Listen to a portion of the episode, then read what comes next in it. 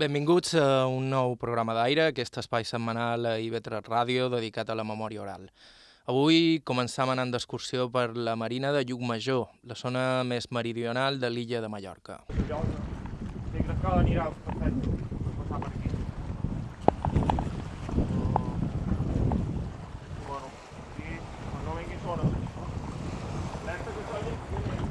Sí, que. El nostre guia és Tomàs Mut. Ell és bomber i un aficionat a trescar per la muntanya i a partir d'aquesta afició va començar-se a interessar per la gent major que l'havia habitada. Me vaig començar a interessar per les cosetes que me trobava anant d'excursió. Sitges de Carboner, Font de Calç... Aquesta inquietud me va fer que començàs a fer entrevistes a personatges de diferents pobles que havien viscut les seves joventuts a la muntanya, que havien fet de carboners, que havien fet de tallador de, de pi, que havien fet de trencador de marès, eh, que havien estat amos de possessió, etc. No? I en algunes d'aquelles converses va aparèixer de tant en tant un dels grans tabús en la societat d'aquells temps. Recordau el que ens deia la setmana passada el professor Joan Miralles? A les entrevistes que ell va fer a gent del camp en els anys 70 i 80 es va trobar en quatre temes dels que la gent no en volia ni sentir parlar. L'higiene íntima, el sexe, la guerra civil i la repressió i, finalment, un dels silencis més importants durant dècades, el contraband.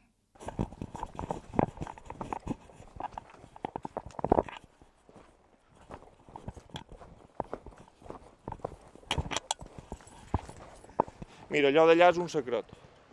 Veus aquella llosa que està Sí, així? sí, sí. Aquest està molt esbaldregat, però això ho és. Això és un. Els secrets eren els llocs utilitzats pels contrabandistes per amagar el gènere. La majoria eren a l'interior, llocs amagats però fàcils de vigilar, però d'altres eren més a prop de la costa. N'he trobat de, de, de, n'he trobat de, de tot color. Ara, per exemple, veurem aquest, que molt petit, i l'altre encara més petit.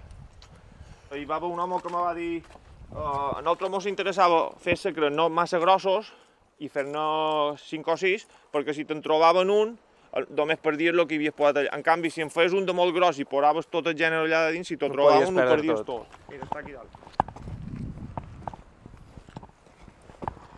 Aquell que t'he mostrat a la fotografia. Ah, És això, però bé, aquella paret està voldregada. Clar, està tot ple de brutó, però bé, ja està en desús i, i bé, però bé, això... I l'altre que t'he dit està just allà damunt. Aquell, per exemple, té lloses de marès, uh -huh. aquell altre que, que t'he dit que estava voldregat també tenia lloses de marès, tapes de fusta, en aquell litoral molt més endavant hi ha un altre que té unes, unes tapadores de formigó, però bé, clar, tot això se camuflava, és a dir, això és la tapadora, però evidentment... hi havia alguna damunt. Clar, hi havia arena, si era, per exemple, un terreny com aquí, que, que són pedreres, que està ple de polsina de marès i tot això, se devia recobrir en la polsina de marès. Tots aquests els, els podem veure perquè són bons de, de veure ara perquè estan destapats. Però que te puc assegurar que he estat en alguns que jo estava damunt i no sabia que davall hi havia un secret. Jo era damunt i, i bueno, ell me va dir, mira, aquí hi ha secret. Aquí. Me va, bé, varen dur unes eines, unes senaies, un cap, tal, vaig començar a gratar i bé, ja va, va aparèixer una tapadora de formigó. I vàrem obrir la tapadora de formigó i allò era una immensa caverna sota terra. Que bé, va ser una experiència brutal, eh? Fa uns dies en Tomàs Mut va voler mostrar-me alguns dels secrets que havia trobat, sovint casualment. És més fàcil trobar quan saps que cerques.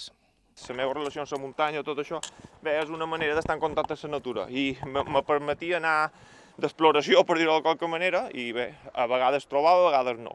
I en la dèria del llibre, a vegades sortia de casa meva amb la idea de bé, fer un recorregut a veure què passa. I així n'he tro trobat un quant, però els he trobat perquè ja estan destapats, perquè estan mil, mig baldregats i perquè tenen restes evidents de que aquell forat picat a mà, fet Eh, és, eh, sí, és, no, té cap, no té cap altra utilitat, de vora la mà, a una zona on jo sé que se va fer contraband, i etc. Malgrat el seu nom, els secrets no són la cosa més ben guardada del contraband. De fet, ho és el contraband en general, una activitat que alguns han estimat que podria haver representat el 30% de l'economia de les illes, però que no surt a cap llibre d'història i que sempre s'ha duit a terme a les fosques de nit i en silenci total.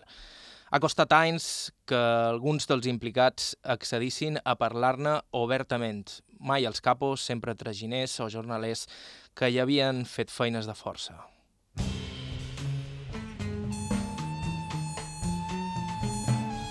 Avui a Aire, contraband, secrets i uns quants tirs de metralleta. Aquest serà el primer de dos programes dedicats a un tema apassionant i amb un protagonista inigualable, de veres.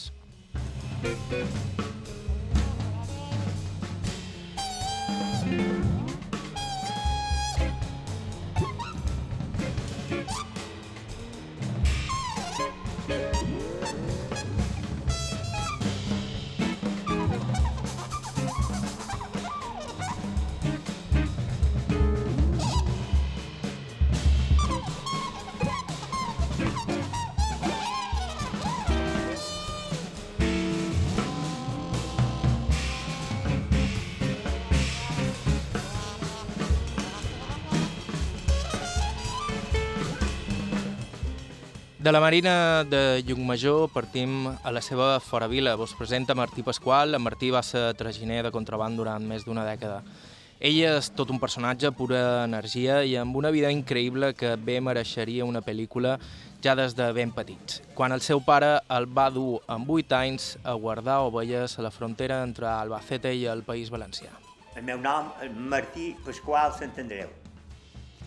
Som germà de 13 vaig néixer l'any 1940. Ja ha pogut. Vaig néixer Petra. La meva infància no és d'allà que n'estigui més orgullós, però allà el que hi ha. Allà hi havia en aquell moment. Els meus pares se dedicaven a, a la fara de vila. La seva dedicació era finques i fa de vila. Jo, en, eh, com he dit, vaig néixer a Petra, en els vuit anys, mon pare va comprar una finca a València, lindant amb Albacete, en el començament de la serra del Barracín. En els vuit anys. Ell va comprar la finca i jo, tres germans, me'ls va dur cap allà en Joan, en Gabriel i jo. En, en, en, en Joan, jo me guanya de 8 anys. Els 8 anys més vell que jo. En Gabriel me guanya de 6 anys, a jo. I me'l va dur en altres tres cap allà. Per què me va dur jo amb 8 anys allà? Pues no ho sé. Tots els altres a escola, el meu germà major que jo, a Santa Margalida, a, a, a Los Hermanos de la Salle, tots els altres a escola, la meva germana major a la puresa, estudiant de mestre. Sempre m'he demanat per què. Jo, amb vuit anys, me varen dur a València. Perquè vareu anar a l'escola abans, els anys abans. Jo la me vaig anar a costura. En aquell temps li deien costura, en les monges. Jo no vaig anar mai a l'escola. Els meus, tots els meus germans, tots han anat a escola. I vos no. I jo no.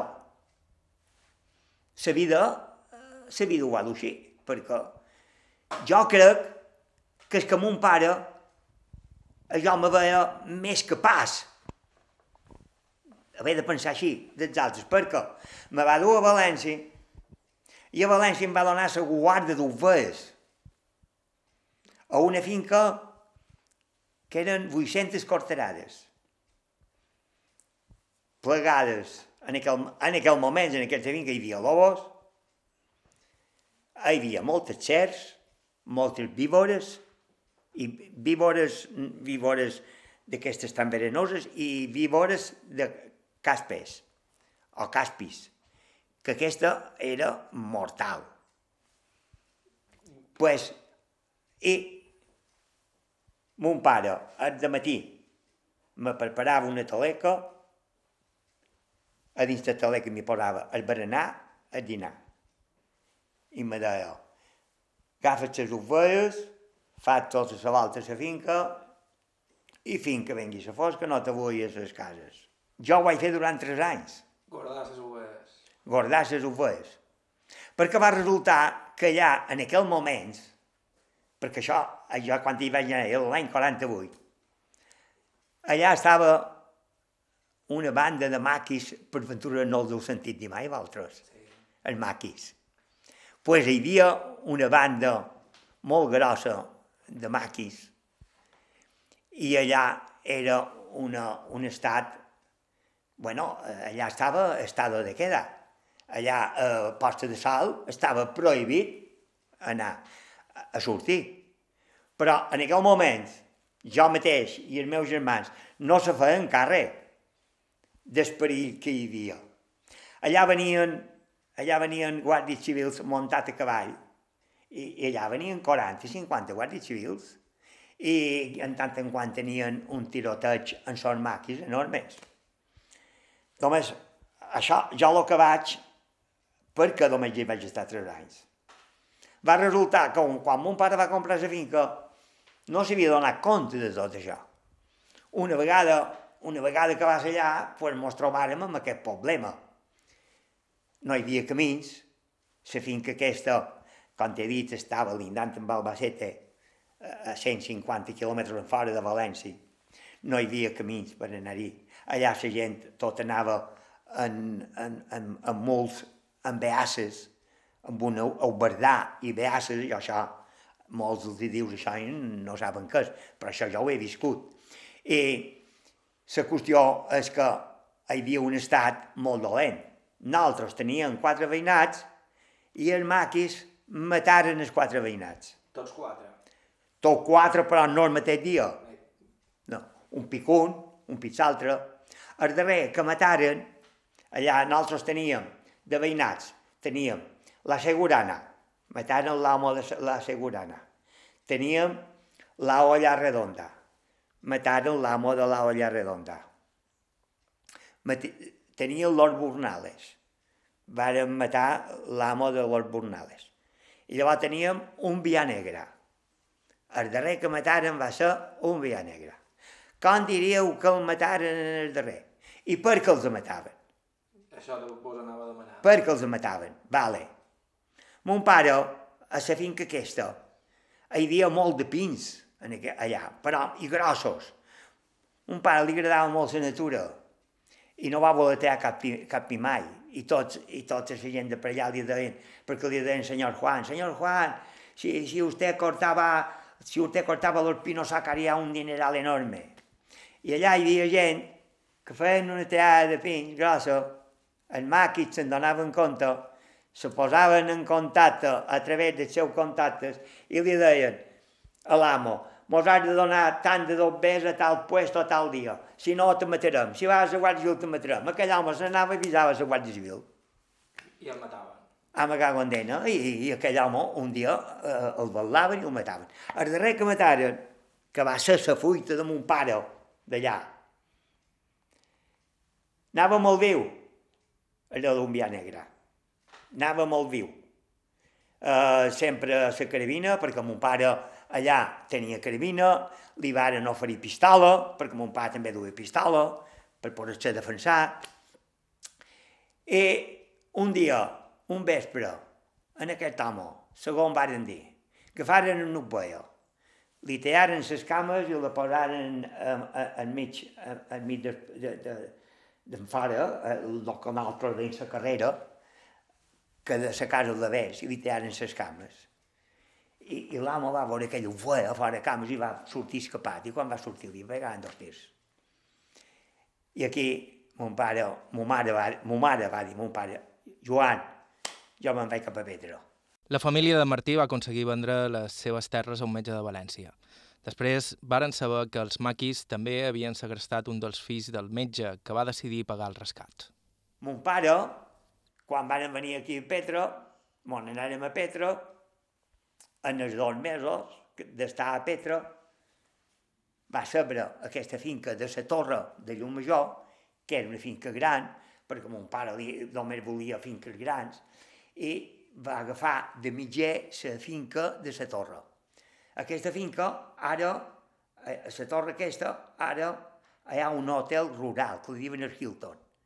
Quan nosaltres anàrem, eren 1.500 corterades. A, a la torre hi teníem 400 ovelles, hi teníem 30 trutges, hi teníem 14 egos de cria per fer per, per muls i per cavalls, eh, hi teníem eh, uns 150, entre, hi teníem 30 trutges de cria, però entre trutges i porcs hi havia vegades que tenien 150 porcs.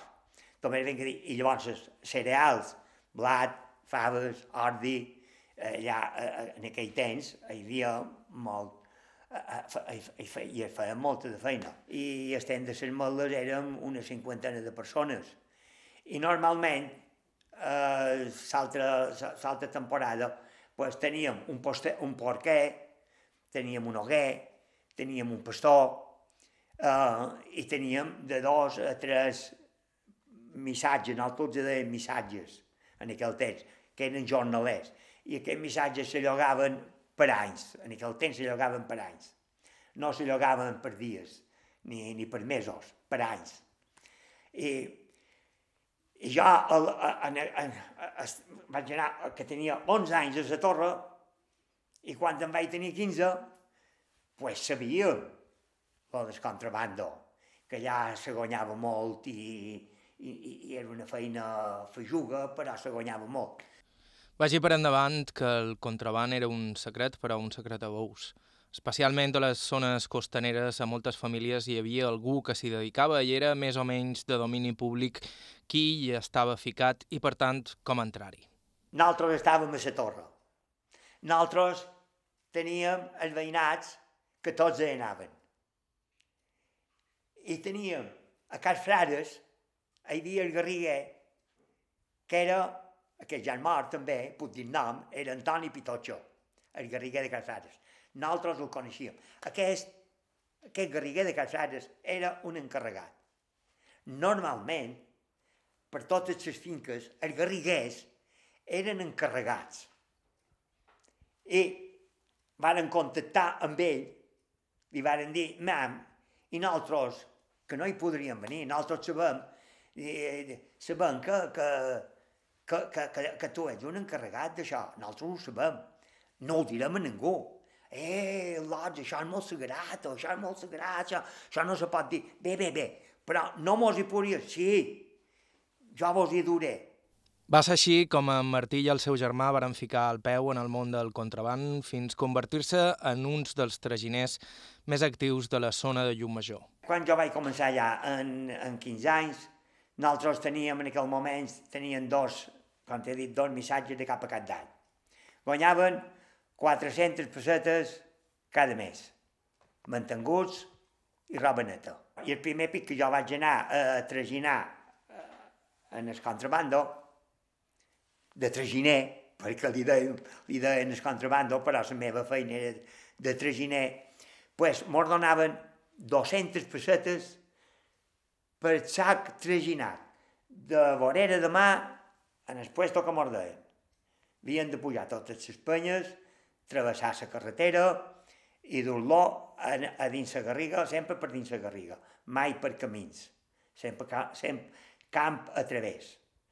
En aquells moments no hi havia cap finca que tingués eh, requilla com ara tenen, que, se, que, aquesta requilla d'autopista, això, això no era, aquestes lambrades no eren, perquè si hi hagués hagut aquestes lambrades no haguessin passat. Anàvem camp a través, arribàvem a la paret, botaven la paret i allà on mos deien. I normalment de, de les penyes, de, de la mà, allà on duíem el sac, hi havia de 6 a 7 quilòmetres. I jo el primer pic que hi vaig anar només vaig fer un viatge. 200 pessetes el sac de cafè pagaven 200 pessetes cada viatge. Jo, com que va ser una, vaig veure que era una feina molt fejuga i molt dura, moltes persones, jo, el temps que jo vaig anar traginant, jo vaig veure moltes persones que varen venir, varen provar i no tornaren pus. Vista que era tan fejuga, jo vaig dir al meu germà, perquè nosaltres anàrem quatre germans dels quatre germans que hi anàrem, n'hi va haver un, major que jo, sis anys major que jo, que quan hi va haver anat dos o tres mesos va dir això és, és un matar homes. Jo aquí no hi vull deixar la vida.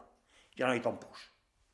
I jo vaig dir al germà major, major que jo, que és, és un any i mig uh, major que jo, que és en Toni. I vaig dir, Toni, el que hem de fer és que mos hem d'entrenar. Perquè si mos entrenem, no ho passarem tan malament. I Pentura podrien arribar a fer un parell de viatges, allò de fet no un. I l'ha fet. Quan havien sopat, agafàrem dos sats, un param, el pesàrem de blat de 80 quilos. Quan havien sopat, el mos carregàvem aquí damunt, igual que si quan duíem a les, a les penyes, perquè nosaltres, quan anàvem el primer pic, no sabien res, no sabien res de res, i nosaltres ho passàrem molt malament de dur el sac. Però varen veure els altres que duien unes corretges, n'hi havia que duien una tabaola, ho duen de molta manera, n'hi havia que havien agafat una tabaola que hi havia en aquell temps, fermat a un cap i fermat a l'altre amb una corda i fermaven aquell sac i el duen aquí en el front i aquí damunt. pues, aviat nosaltres mos organitzàrem. Jo vaig dir, jo faré una corretja adequada per dur aquell gènere. Com dic, vaig dir a germà, mos hem d'entrenar, quan havien sopat, mos posàvem el sac de 80 quilos a damunt l'esquena, la finca, com que era molt gran, 1.500 cortrades, voltàvem tota la finca i més o menys per voltar tota, tota la finca en el sac aquí damunt, pues hi empleàvem una hora i mitja, dues. Quan arribàvem a les cases, eh, deixàvem el sac, demà mos i mos tornarem a entrenar. Com que nosaltres no mos tenien confiança de res, només mos avisaven un pic cada mes, quan venia la barca grossa, que era quan duia gènere. Començàrem a anar-hi al punt, com que mos entrenàvem, es, es, es, es, quan hi tornàrem ja no ho passaren tan malament ni de molt, i, i ja vàrem veure que nosaltres, més o menys, manejàvem bé el gènere aquest. Al punt mos apuntàrem per, dos, per els viatges. Descat de, de mig any que anaven ja mos apuntàrem per tres viatges. I jo quan feia un any que anava ja, ja, ja m'apuntava tots els viatges que fossin. Hi havia vegades que feia set viatges. En un vespre? En un vespre. Set viatges. Jo me duia 1.400 pessetes. Eren de dos bes. Quan nosaltres érem a les penyes, a damunt les penyes que baixaven per avall, ja sentien l'olor si era tabac o si era cafè. Avui hi ha tabac. Però el que passa que el tabac no sabíem si seria xester, caixetes, o si serien pastilles. El tabac i el cafè van ser durant anys el gènere més habitual en el contraband. El monopoli estatal en el cas del tabac i el preu prohibitiu amb el cafè els feien dos productes golosos pels contrabandistes, però no eren els únics. Qualsevol cosa que deixés un marge profitós era susceptible de ser aprofitada. Tornem a la nostra excursió i a Tomàs Mut. Per exemple, a la postguerra hi va haver tota una sèrie, un contraband que podrien dir de subsistència o de, um, que, que varen arribar un producte de primera necessitat perquè no hi eren. Després eh, hi va haver una altra etapa en, en, en que en el bloqueig internacional i, i altres factors eh, feien que Espanya, l'autarquia que va imposar per Franco i per, per règim franquista i tot això, va fer que eh, hi hagués tot un bloqueig internacional de cara a Espanya que no arribaven eh, segons quins productes i me varen comptar eh, que hi va molt de productes que arribaven aquí de segona mà i tenien sortida en el mercat. És a dir, per exemple, em van xerrar sobretot de productes de, de canvis d'automòbil, eh, jo que sé, pneumàtics usats, me van dir bugies, i eren uns productes que, que bé, els contrabandistes els duien com un producte per, per, és a dir, de contraband. Eh, van ser productes de contraband, el que m'has comentat de les màquines d'escriure, bolígrafs, eh, que molta roba, nylon, Caminant amb en Tomàs per la Marina de Llumajor, és difícil no tenir la sensació que aquell redol està ple de secrets i que el contraban era, més que una feina tèrbola i criminal, com podria ser el tràfic de drogues o de persones avui en dia, una pràctica gairebé quotidiana i fins i tot ben vista.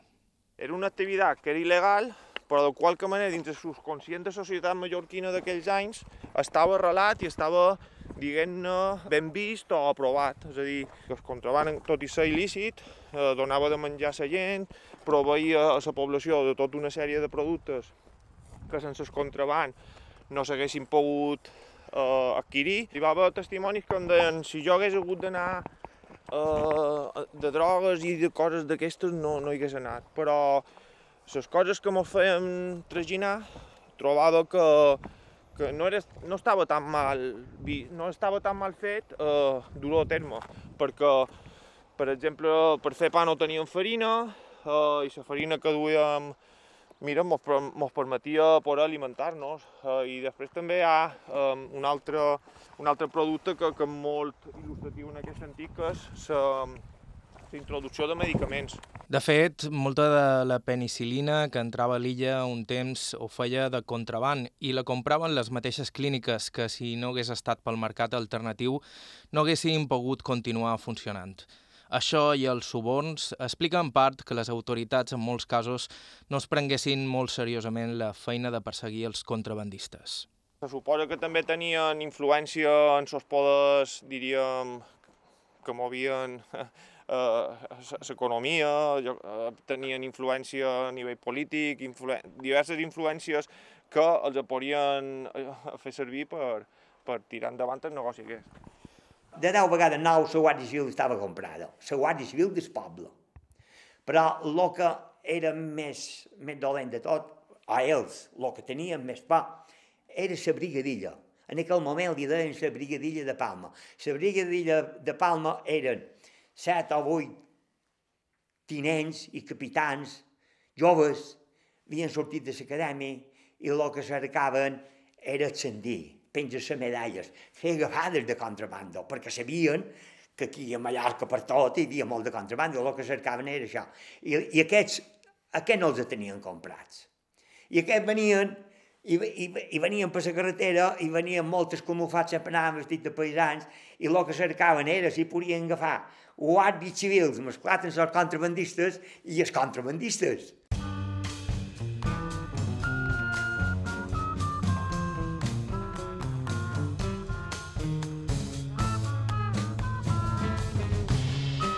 I de trobades amb la Guàrdia Civil, la Brigada de Palma i els agents de duanes en parlam d'aquí a uns instants. També hi ha un mort, que ser contrabandista a vegades no era fàcil.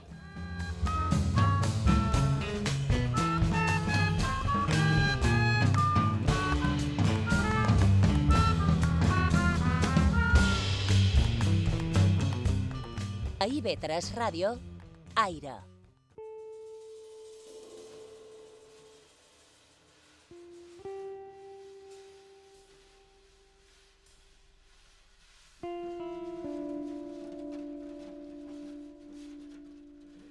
Continuem amb el programa d'aire d'avui.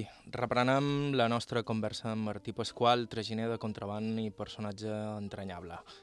Som a casa seva i en Martí ens mostra algunes de les fotografies que han aparegut al llibre que el nostre altre protagonista d'avui, Tomàs Mut, acaba de publicar. El Lots, avui hi ha festa, és el títol d'aquest llibre. És segurament el llibre més important mai escrit sobre el tema. Durant un temps era impossible trobar a ningú que volgués parlar sobre la seva implicació en una activitat ben vista socialment per al cap i a la fi delictiva. En Tomàs ha fet una feina increïble localitzant testimonis vius com en Martí, que han accedit a contar-li per primer cop detalls sobre el negoci. Aquest era un dels jefes que, que nosaltres teníem, que és des de, de les arenes. Aquest eh, tenia un encarregat, que, se, que li deien Guillem Mandins, que eres qui em mandava feina, perquè jo vaig arribar a fer feina en tres companyies. El que el meu germà i jo varen fer, estic segur que no hi ha, no hi, no hi ha altre traginer a Mallorca que ho fes. Que hagi fet feina per tantes companyies. I, i que hagi fet, bueno, i que el mateix vespre, és qui s'ha encarregat d'aquest, s'ha encarregat d'aquest, de vegades venia, venia a la torre i mos deia, mam, venc a veure si avui vespre podíem venir, i nosaltres li dèiem, hi, hi havia vegades que dèiem, no, Guillem, avui no poden venir, nosaltres avui hem d'anar a treure. Perquè a, això del contrabando hi havia anar a treure i el dia que venies a l'anxa, el dia que venies a l'anxa, que amb un llegut ho duia, així a la mà, pues, aquell dia feien feina tota la nit fins que el sol sortia, perquè duien el sac, però, però quan anàvem a treure, quan anàvem a treure, bueno, i el dia que venies a l'anxa, traiem tot el, gènere que podíem, però llavors hi havia uns secrets a dins les penyes, hi havia uns secrets que, que venia com un rebost, i s'omplien aquests secrets. En tenien 4 o 5 i els omplien ben plens. Llavors, anàvem a treure. I quan anàvem a treure, pues anàvem i fèiem tres viatges, no m'ho deixaven fer més, i de vegades venia, com t'he dit, l'encarregat d'aquest, i mos deia, m'han avui com ho tindreu? I nosaltres dèiem, guiem, avui hem d'anar a treure per la muntanya, per la muntanya Meco. I, diu, i, i, com que ells ho sabien tot, això eren companyies diferents, el, i deien, sí, avui heu d'anar a treure i heu d'anar a Can Climent.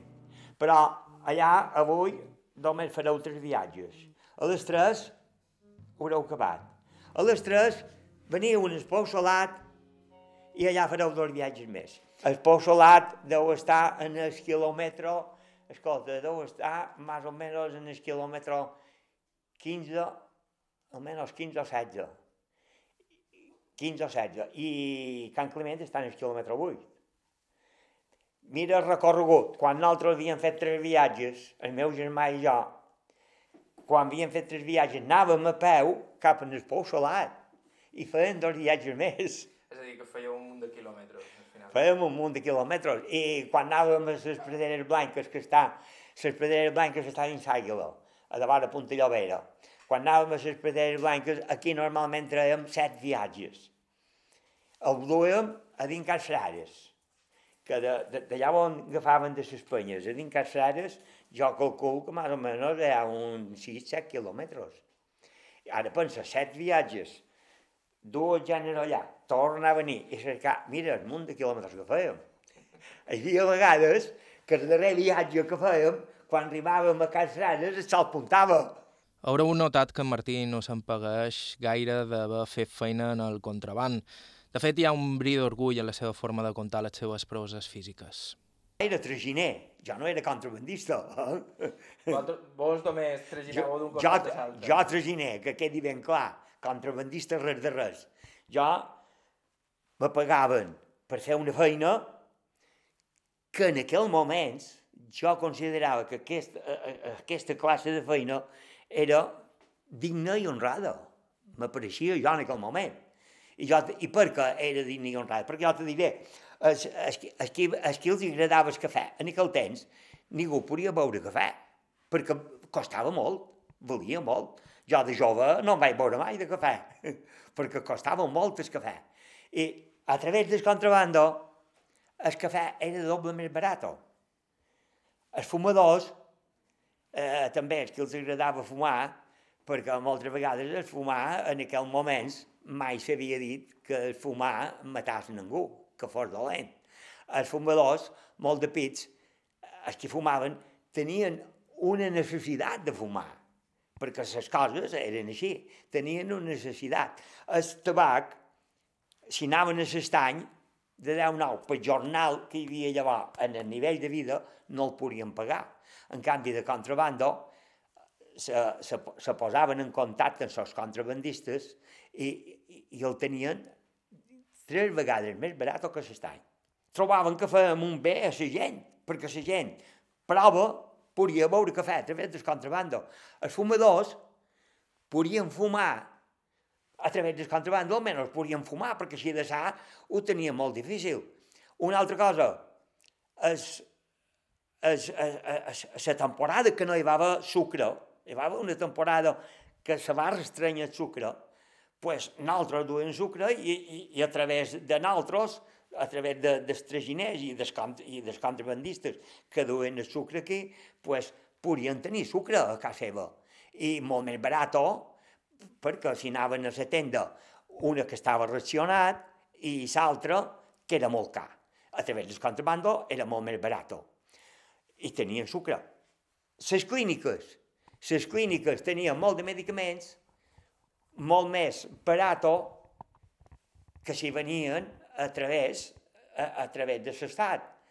Eh, sí, que sabíem que era contrabando i que anàvem contra el govern en aquell moment i contra la llei. Això ho teníem ben clar.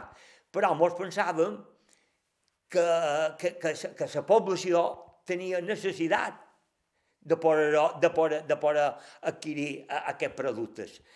Com que molts pensàvem això, molts pensàvem que era una feina ben honrada. Però malgrat això hi havia un secretisme absolut al voltant d'aquella feina. La llei del silenci imperava fins i tot entre els mateixos qui treballaven. Passa una cosa, que anàvem a fer feina allà i no xerràvem un amb l'altre, i anàvem al vespre, i, i en de dia molt no mos coneixíem. Era molt fosc, supos, que també. Hombre, el que és fosca, eh, era fosc, però arribava un moment que veien les pedres perfectament. Eh? Nosaltres mos adaptàvem a la fosca.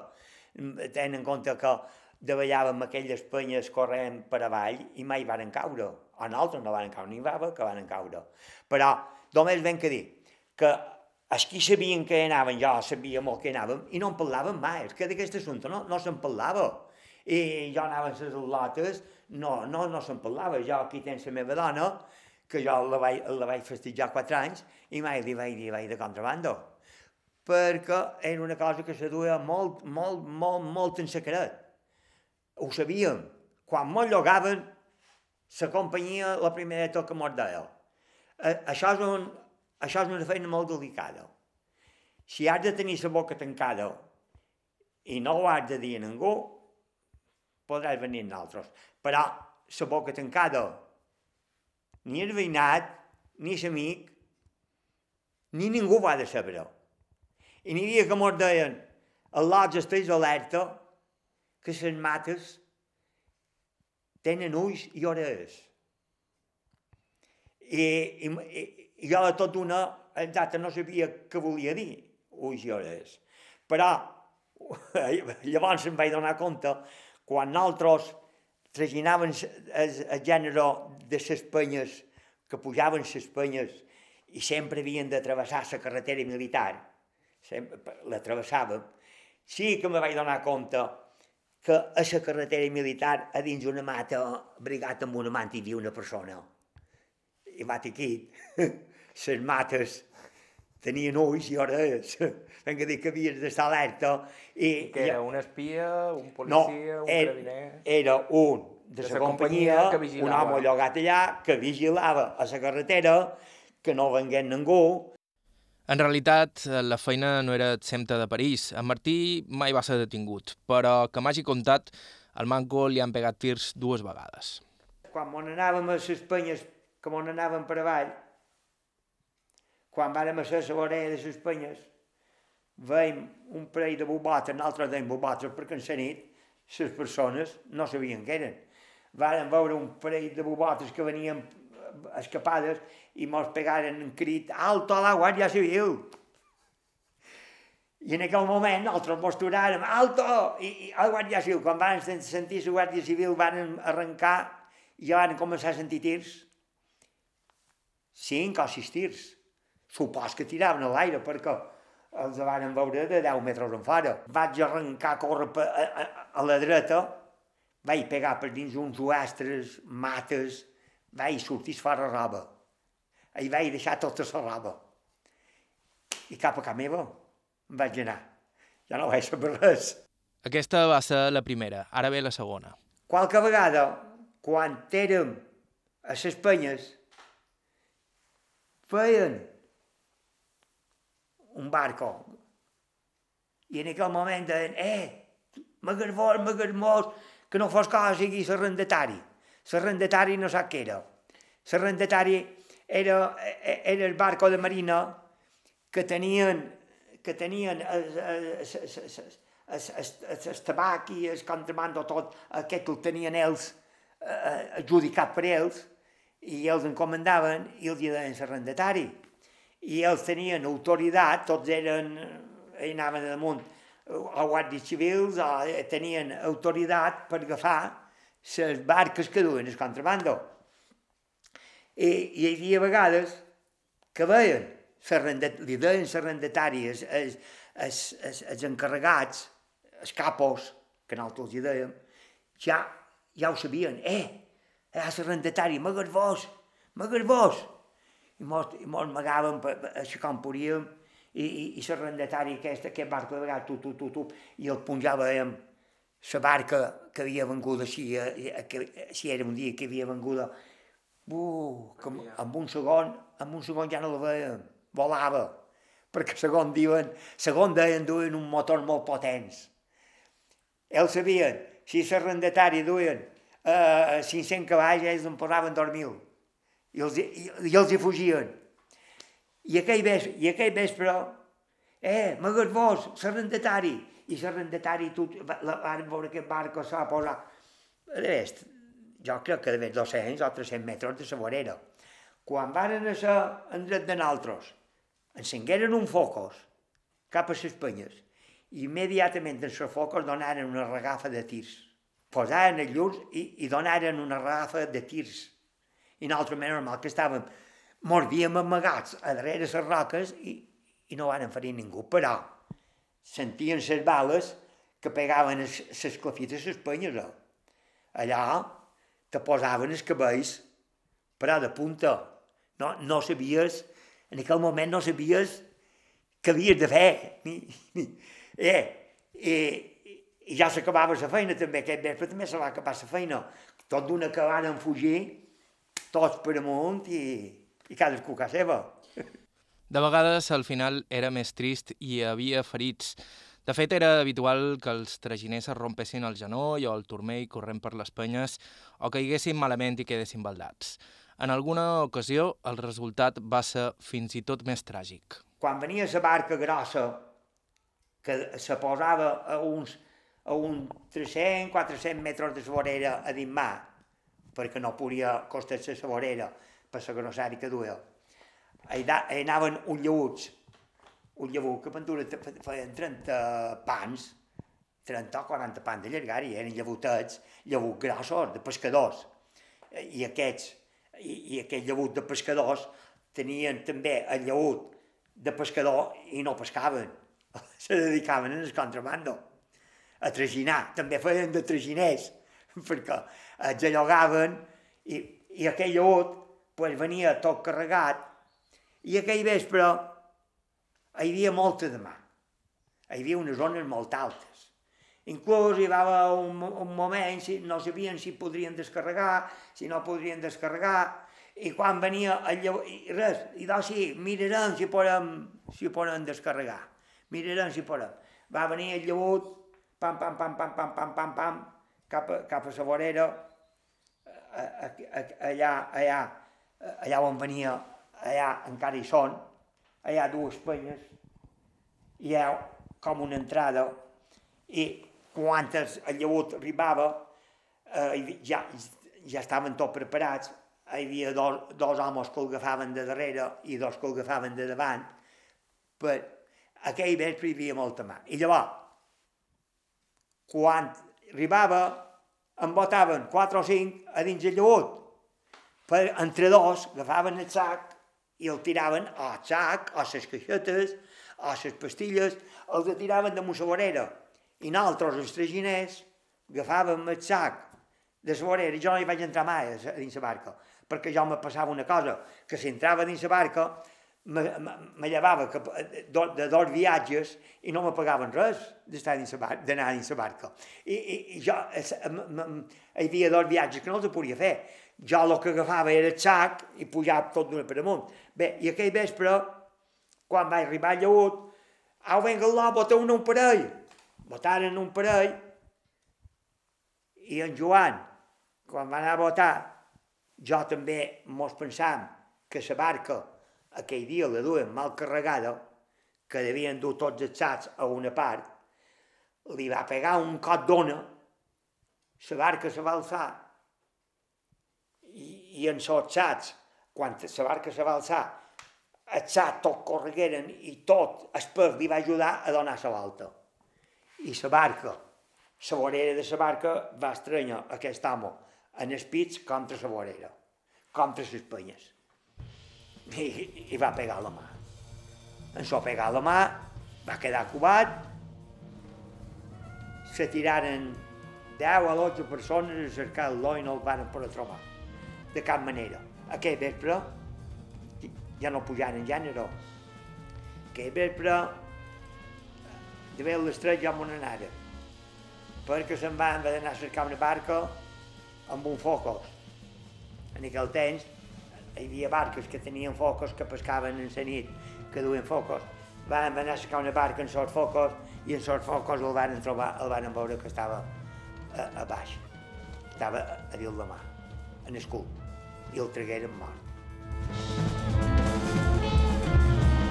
En uns instants a Aire continuem amb la història de Martí i també introduïm un personatge nou. Segur que el seu nom vos ha passat pel cap a més d'un moment al llarg del que duim de programa. Parlam de Joan Marc.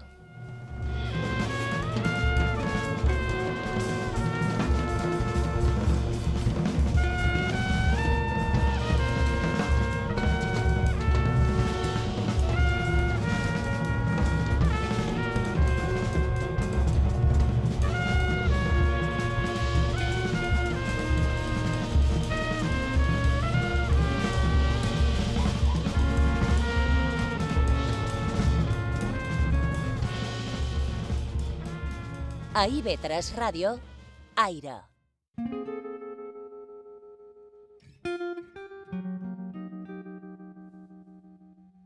Continueu escoltant Aire i Vetres Ràdio, un programa avui dedicat al món del contraband, un món secret i del que tot eren suposicions, fins que eh, el fet que molts dels seus protagonistes siguin morts ha permès a d'altres sentir-se lliures per parlar. Tornem amb Tomàs Mut, autor del llibre sobre el contraband a Lots, avui a festa. En Tomàs em va convidar a fer una excursió amb ell per la costa de Llucmajor per ensenyar-me alguns dels secrets, els llocs on els contrabandistes amagaven el gènere que ell ha trobat per la zona. Era una feina molt feixuga, eh? Sí, sí, sí, sí. No, ja ho posen al llibre, és a dir, Perquè era... sobretot, no sé si és en el Ara, preàmbul. per exemple, t'imagines pujant aquesta costa... Jo, Eh, jo em faig el símil, eh, en el llibre faig, em faig el símil.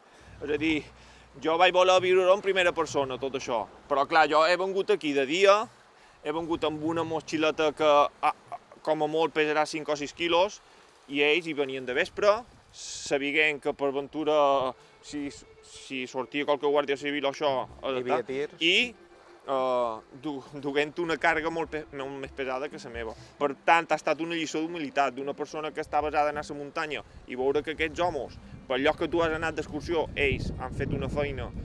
És a dir, ja imaginar... Sí, m'he posat a la pell d'ell i imaginar-me... Jo ara estic aquí, m'he de carregar un sac i m'he d'anar per amunt. Mare de Déu. I de... I doncs sí, això és... Bé, Bueno, això... i no només això, que moltes vegades feien quilòmetres sí, i sí. quilòmetres Sí, terra endins. Sí, sí, que- sí, sí, sí. Que... Sí, sobretot és que, bueno, de, des que jo he pogut entrevistar, que són més propers, eh, m'ha fascinat el relat seu, però fins i tot me n'he anat molt més, bueno, no me n'he anat molt més enlluny perquè eh, les persones no són vives. Eh, els pares de- d'aquests que també s'hi dedicaren per aventura, eh, final de 1800, principi de 1900, m'han contat, mon pare agafava el sac eh, a la vorera de la mà i se n'anava fins a tal lloc i tu mires damunt un plano, la distància en línia recta, i són 40-50 quilòmetres. I, i, I tot això me va, me va servir per il·lustrar un passatge que és molt, molt bé, molt bo. És a dir, una dita que me varen comentar, que era la fam no té, fa, no té cames, però fa caminar. I és que és, és super eh, explícita en aquest sentit, per poder il·lustrar aquests trajectes que els pares des que jo he entrevistat feren. És a dir, hi ha, docu bé, hi ha documentació i a part hi ha testimonis de que, jo què sé, a la Calobra i tot això se desembarcava contraband. Allò és un paratge que si t'imagines a final del 1800, principis de 1900 no hi, devia, no hi havia la carretera que ara i, i, i s'enduien el gènere d'aquella costa, me varen dir, fins a Caimari, per exemple. És a dir, això ja... és- Bé, És una excursió ja dura... la, fas la fas ara d'excursió i hi ha gent que ja, ja ho troba llarg, imagina't carregat. Carregat i de vespre. I amb aquestes circumstàncies, per I de, tant, I de vespre significa de vespre fosc, perquè Sí, no duien sí. llums, no res. no, m'han dit que no. No, m'han dit que no. Eh, Home, ha, ha, eh, ha aparegut una, una figura eh, m'han anomenat una figura que era eh, la guia, el que feia de guia. Però bé, era una figura que, que bueno, eh, no era, bueno, sí, una persona d'alguna manera que era el que se coneixia el terreny i els guiava fins aquí on havien d'anar. Bé, això anava també un poc en funció de cada companyia, de cada lloc, i etc etc. Des... Podem anar per aquí, si Ah, vale. Després hi ha lo de les bubotes, que ah, bé. també això és graciós. Sí, però bé, això, lo de les bubotes ha estat un poquet eh, recercant bibliografia documentada. Uh, per exemple, en Porcel hi, hi vaig trobar referències, però uh, les bubotes que jo me varen referir no eren, no eren ben bé les que, les que citen Porcel a les seves obres. El eh, que conten de les bubotes era que sortia qualcú disfressat de bubota, sí. de fantasma, per assustar sí. la gent. Sí, sí, sí, sí. Era, I per era, ningú sortís per mig. En Porcel diu que hi havia... Sí, en Porcel deia que hi havia una sèrie de bubotes i una d'elles era la descontraband i que la feien servir per això, per, per anar a, a davant la comitiva i assustar la gent. Però això són temps bastant... Eh, antics. Sí, bastant supos. antics. Eh, les bubotes que jo m'han referit, des d'algun des, que, des que jo he...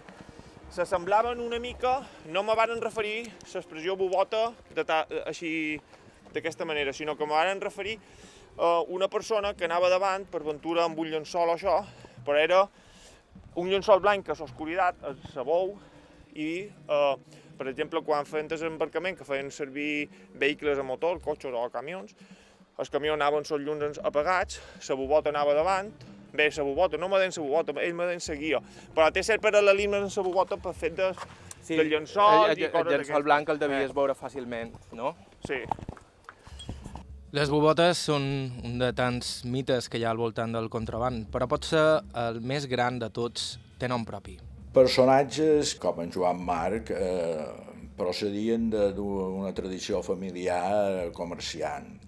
Aquesta és Pere Ferrer, és historiador i biògraf de Joan Marc i Ordines, amb tota seguretat el contrabandista més conegut de l'illa i, de fet, del Mediterrani.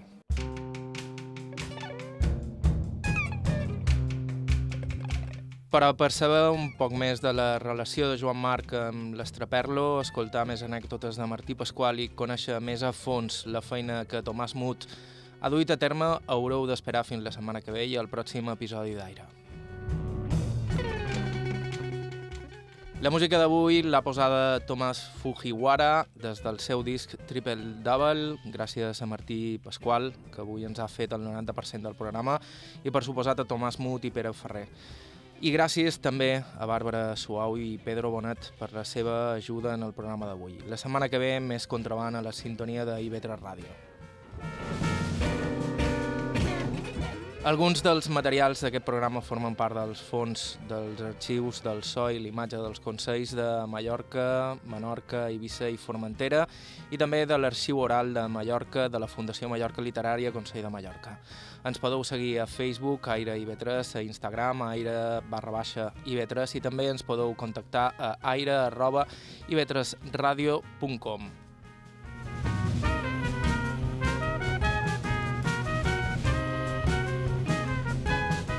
Miquel Àngel Fiol a la producció tècnica, vos ha parlat Joan Cabot. Fins la setmana que ve.